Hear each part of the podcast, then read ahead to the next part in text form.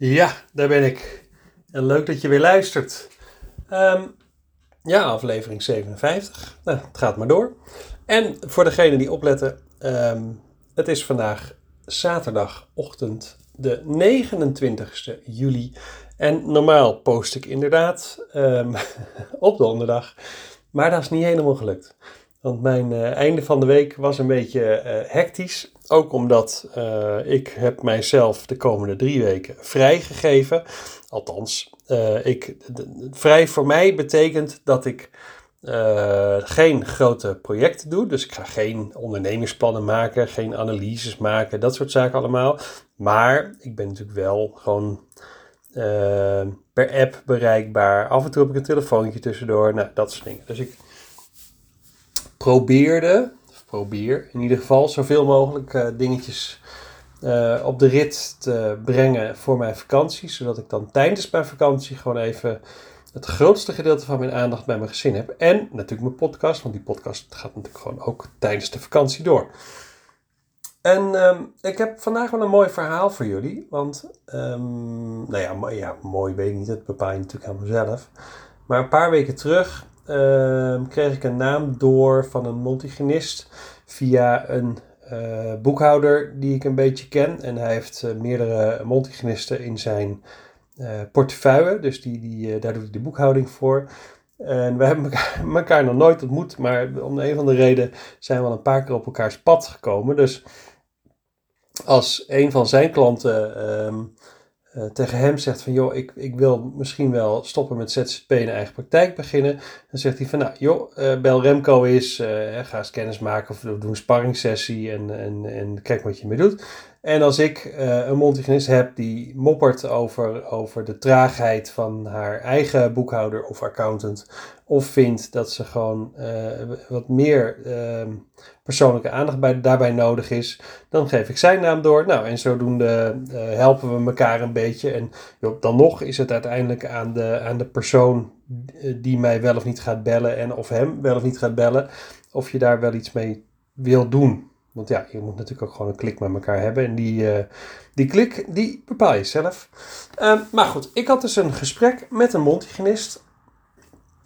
En zij uh, had kennismakingsgesprek bij ingepland. En uh, wij, ja, nou ja, ze ging eigenlijk, ze was heel enthousiast gelijk al. Dat heb ik al vaker hoor. Dat, dat, weet je, op het moment dat je, dat je het voor je ziet en een praktijk wil beginnen, dan neemt je enthousiasme gewoon toe. En dat merkte ik in het gesprek. Maar ik kreeg wel een beetje het idee in het gesprek dat het, dat idee van die eigen praktijk, dat dat nog niet zo heel lang speelde. Dus ik vroeg daar een beetje op door. En we hadden een leuk gesprek en ze had wat ideeën erover. En sterker, ze, had, ze was al wel zover dat ze naar locaties had gekeken. en wat gebeurde er toen? Ze kwam met een locatie aanzetten. En toen zei ik van, oh ja, leuk. In die plaats heb ik ook al eerder een montigenist geholpen met een praktijk. En ja, heel eerlijk, ik heb geen... Uh, kijk, als het een heel klein dorpje is en ik heb iemand geholpen om daar een praktijk op te zetten, dan vind ik het heel gek als ik uh, met nog een andere mondhygiënist daar nog een praktijk ga opzetten. Dan denk ik van ja, weet je, ook zonder mij gebeurt dat, dat weet ik. Maar ik ben wel, uh, ik heb een soort gentleman's agreement, nou meer een gentleman-lady agreement. Uh, dat, ik, dat ik geen praktijken zo dicht bij elkaar neerzet. Kijk, is het een stad of is het een, een groter dorp waar 40.000 mensen wonen? Uh, en je gaat, uh, weet ik veel, anderhalf kilometer verderop zitten. Nou ja, dan vind ik het niet zo heel erg. Want dan denk ik dat ieder zijn eigen uh, mensen kan bedienen, eigen patiënten kan bedienen. Maar goed, deze mondhygiënist had een locatie uitgezocht. En die ligt slechts 140 meter van een praktijk vandaan die ik heb, heb geholpen met de start. dus ik zei tegen haar dus ik, ik, Google, ik denk, waarom komt die straatnaam me nou zo bekend voor? Dus ik, ik even googelen. Ik denk, hey, dat, dus ik zeg, nou, als je daar wil gaan zitten, dan mag dat, wat mij betreft. Dat is geen probleem. Alleen ik kan je niet helpen. Dus als je wil dat ik je help, dan moeten we op zoek naar een andere locatie. Uh, en als je hier per se wil zitten, dan mag dat ook. Maar dan kan ik je niet helpen. Want ja, ik ga niet zo pal naast een praktijk zitten die ik heb, uh, heb bediend. En dat is hoe ik werk. Nou, verder hadden we een leuk gesprek, dus ik prikte door. Maar ik merkte dat ze eigenlijk... Uh, ja, ze had geen idee van wat het allemaal met zich meebrengt. En ik, ik heb er al eerder in een podcast gezegd... Um, kijk, jullie zien natuurlijk op Instagram zien jullie allemaal praktijken die van start zijn gegaan en gisteren geopend en het gaat helemaal fantastisch en nou had ik veel eerder moeten doen en, en uiteindelijk is dat het eindresultaat en dat klopt, maar het hele proces vooraf en, en vooraf betekent soms een jaar of anderhalf jaar dat uh, hier al mee bezig zijn geweest, dat zie je niet. En die weg daarnaartoe, die kan best wel en hobbelig zijn. En zelfs als alles mee lijkt te zitten, dus je hebt relatief snel een locatie gevonden. En ook nog eens op een plekje waar niet heel veel anderen zitten, of waar heel veel nieuwbouw gaat komen. Of nou ja, in ieder geval, de, de locatie aan zich lijkt uh, op voorhand al helemaal fantastisch. Uh, nou, apparatuur uitkiezen gaat ook nog wel redelijk.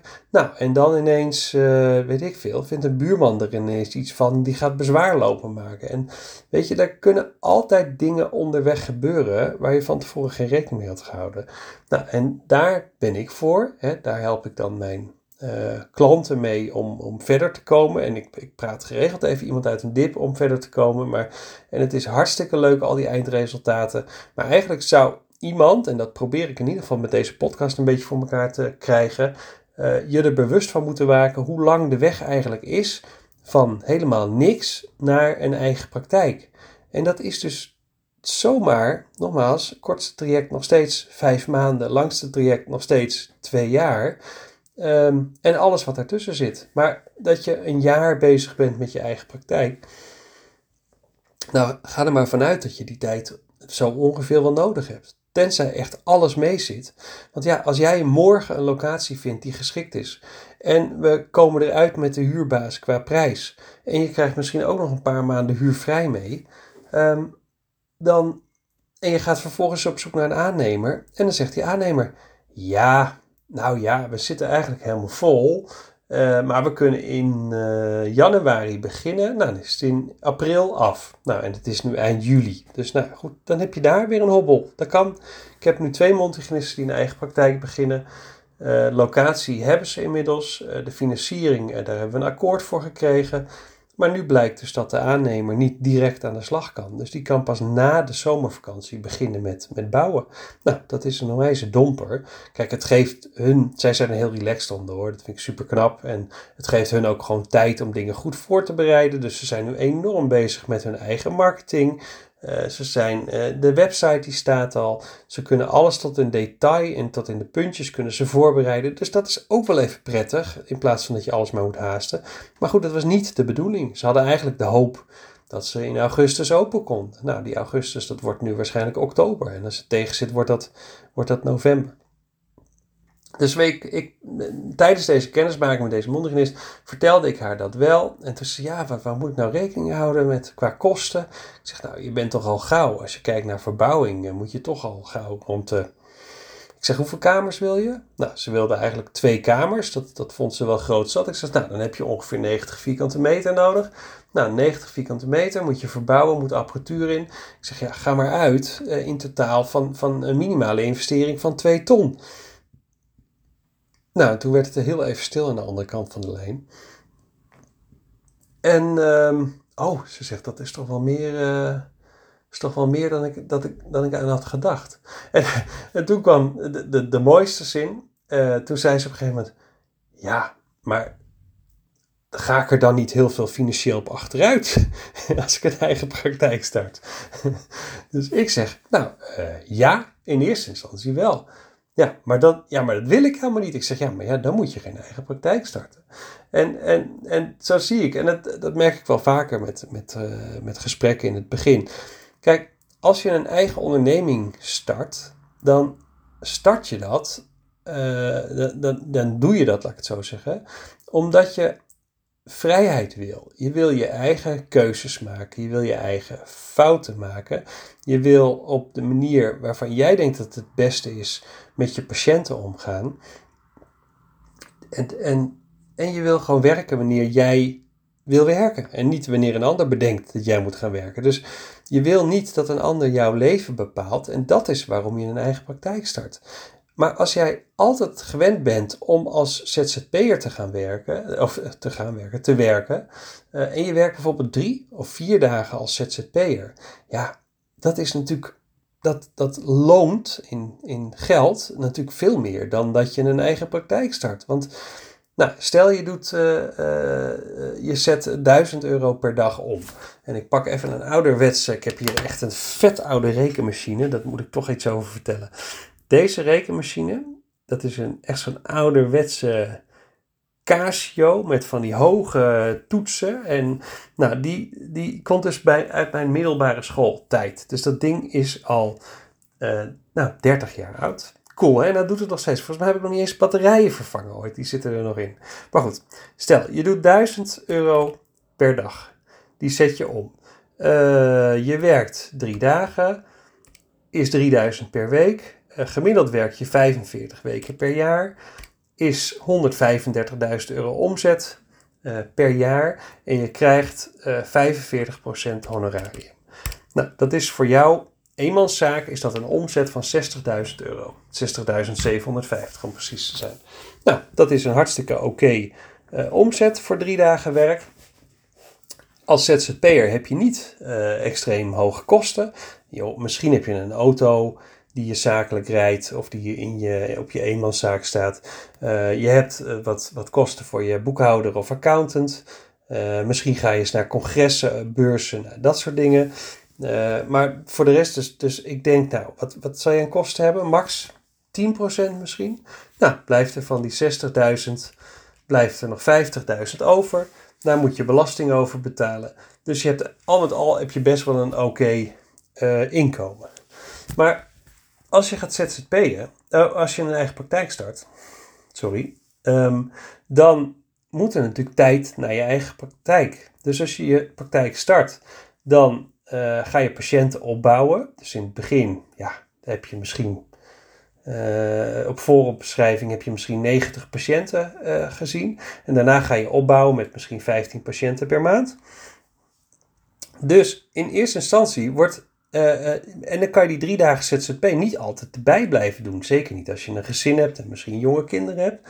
Dus nou, stel die drie dagen ZZP worden dan twee dagen ZZP. Dan is die dag die je daarover hebt, die gaat naar je eigen praktijk. Dus je plant in ieder geval vast twee of misschien drie uh, dagdelen om, om je eerste patiënten te zien. Maar dat doet wel iets met je inkomsten. Dus je inkomsten worden lager, maar je kosten worden veel hoger. Want je moet ineens een pand betalen. Je moet een website gaan maken voor je eigen praktijk. Je, moet, uh, je, hebt, je hebt allerlei extra kosten erbij. En bij het pand moet je, moet je gas, water, licht. Nou, dat allemaal.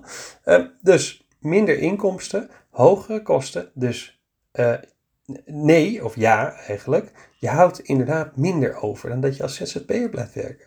Dus dat kan ook. Maar nou ja, haar viel het dus eigenlijk zo tegen dat ze erachter kwam dat je als uh, praktijkeigenaar in eerste instantie daarop achteruit gaat.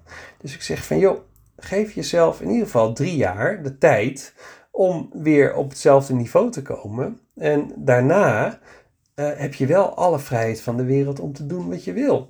En dan zit je weer op hetzelfde inkomstenniveau. En ik denk dat je uiteindelijk met een eigen praktijk uh, absoluut meer kan verdienen. Maar je moet wel even een paar jaar investeren om dat op, het, op hetzelfde niveau uit te komen. Want ja, die patiënten die, die staan niet ineens vandaag voor de deur en die hollen met, met 600 man tegelijk naar binnen. Um, dus ik zei tegen haar, ik zeg, ja, dus het is een investering in tijd, in geld. Uh, je moet uh, wat anders gaan leveren dan dat je nu bent gewend. Uh, ja, en de komende drie jaar is het gewoon opbouwen. En wat krijg je daarvoor terug? Vet veel vrijheid. Om echt het leven te gaan leiden wat jij wil leiden. Uh, dus als jij drie dagen wil blijven werken, ga je drie dagen werken. Al wil je tweeënhalve dag werken, ga je twee dagen werken.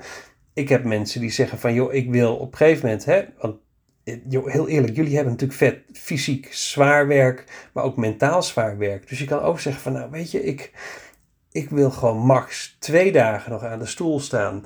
En de rest uh, zet ik gewoon uh, een, een, een, ZZP'er neer of, of iemand anders neer. En ik ga me meer bezighouden met, met Of wat, wat meer management. Misschien vind je het leuk om trainingen te geven aan andere mensen. Dus ik ga andere dingen daarnaast doen, die ik ook heel leuk vind. Ja, en die vrijheid, die heb je gewoon met een eigen praktijk. Natuurlijk heb je die ook wel als ZZP'er als je dat heel graag zou willen. Maar vanuit een eigen praktijk is het misschien nog wel leuker om dat te doen. Dus, um, ja goed, dit was een kennismakingsgesprek. En uh, ik denk dat ze geschrokken is, want ze heeft me daarna niet meer gebeld. Nou ja, dat hoeft trouwens niet, want ze, ze, ze was wel echt gecharmeerd van het pand wat ze voor ogen had. Nou, daar kan ik haar dus niet mee helpen. Dat heb ik ook gewoon zo gezegd. Van joh, dat, dat zit veel te dicht naast een, uh, uh, naast een andere klant van mij. Dus dat, dat ga ik niet doen. Dat voelt niet goed. Dus misschien gaat ze wel door met het pand. En zonder mij, dat kan natuurlijk ook. Dus ik heb geen idee of dit nog een, een staartje gaat krijgen, zeg maar. Maar ik wilde in ieder geval vandaag meegeven in de podcast. Uh, uh, ja, als, je, als het je puur om geld gaat, ja, dan, heel eerlijk, dan kan je beter gewoon lekker als ZZP'er blijven werken. Dan kom je binnen, het is voor je geregeld, je agenda is gevuld, je brengt je spullen naar de sterie, daar wordt de hele zooi weer schoongemaakt. je afspraken, als het mee zit, worden voor je ingeboekt. Dus je hebt heel weinig verantwoordelijkheden en toch een hartstikke oké inkomen. Nou, nou, is ook wat voor te zeggen. Dus er zijn ook mensen die, die denken dat ze een eigen praktijk winnen en gaandeweg komen tot de ontdekking dat ze eigenlijk ZZP'en gewoon veel prettiger vinden, omdat ze geen zin hebben in al die verantwoordelijkheden en straks moet je nog personeel gaan aannemen. Ook, kan ook een beslissing zijn. Joh, ik vind alles oké. ik, vind, ik vind het belangrijk, met name belangrijk, dat als je ervoor gaat, dat je ook echt de motivatie en het doorzettingsvermogen hebt om ervoor te gaan. En als je maar enigszins twijfelt of een eigen praktijk voor jou uh, op dit moment de juiste stap is, dan moet je het niet doen. Weet je, zet het dan, het hele plan, leg het nog even terug op, op een plank. Ga gewoon door met wat je aan het doen bent. En dan kan het zijn dat je over vijf jaar alsnog uh, dat wil gaan doorzetten. Maar ga nu gewoon even lekker door met het, met het werk wat je nu doet. Nou, en die wilde ik vooral vandaag meegeven. Dus dat is het antwoord op de vraag. En um, nou, ben jij nou dat je denkt van ja, ik, ik twijfel. Hè? Ik, ik ben me bewust van, van wat ik moet investeren om mijn eigen praktijk um, op te gaan zetten. Uh, en ja, ik heb het er ook voor over om dan tijdelijk het gewoon financieel uh, wat minder te hebben. Um, en ik wil daar gewoon eens even, gewoon even relaxed over sparren zonder enige andere verplichtingen. Dan ga je even naar mijn website en daar staat een knopje op kennismaken of gratis sparringssessie. Je kan, die kan je zo met me inboeken. Uh, en dan gaan we het er gewoon eens even drie kwartier uh, over hebben met elkaar. Nou, en en bedenk je, na die drie kwartier heb je voldoende stof om over na te denken. Ik ga je daarna nooit stalken. Het is altijd je eigen beslissing. Maar dan heb je wel even een indruk van waar je nu staat en wat er voor jou mogelijk is. Misschien denk je wel dat er niks mogelijk is. En, en blijkt na een gesprek van mij dat het, dat het toch eigenlijk maar allemaal veel meer binnen handbereik is dan dat je dacht. Nou, daar zijn dat soort gesprekken voor. En ik vind het gewoon leuk om je, om je te leren kennen. Dus bij deze de uitnodiging. Nou, voor nu zeg ik fijn weekend. Geen idee wanneer je het luistert, maar het is uh, uh, zaterdagmiddag. En ik zeg tot de volgende podcast.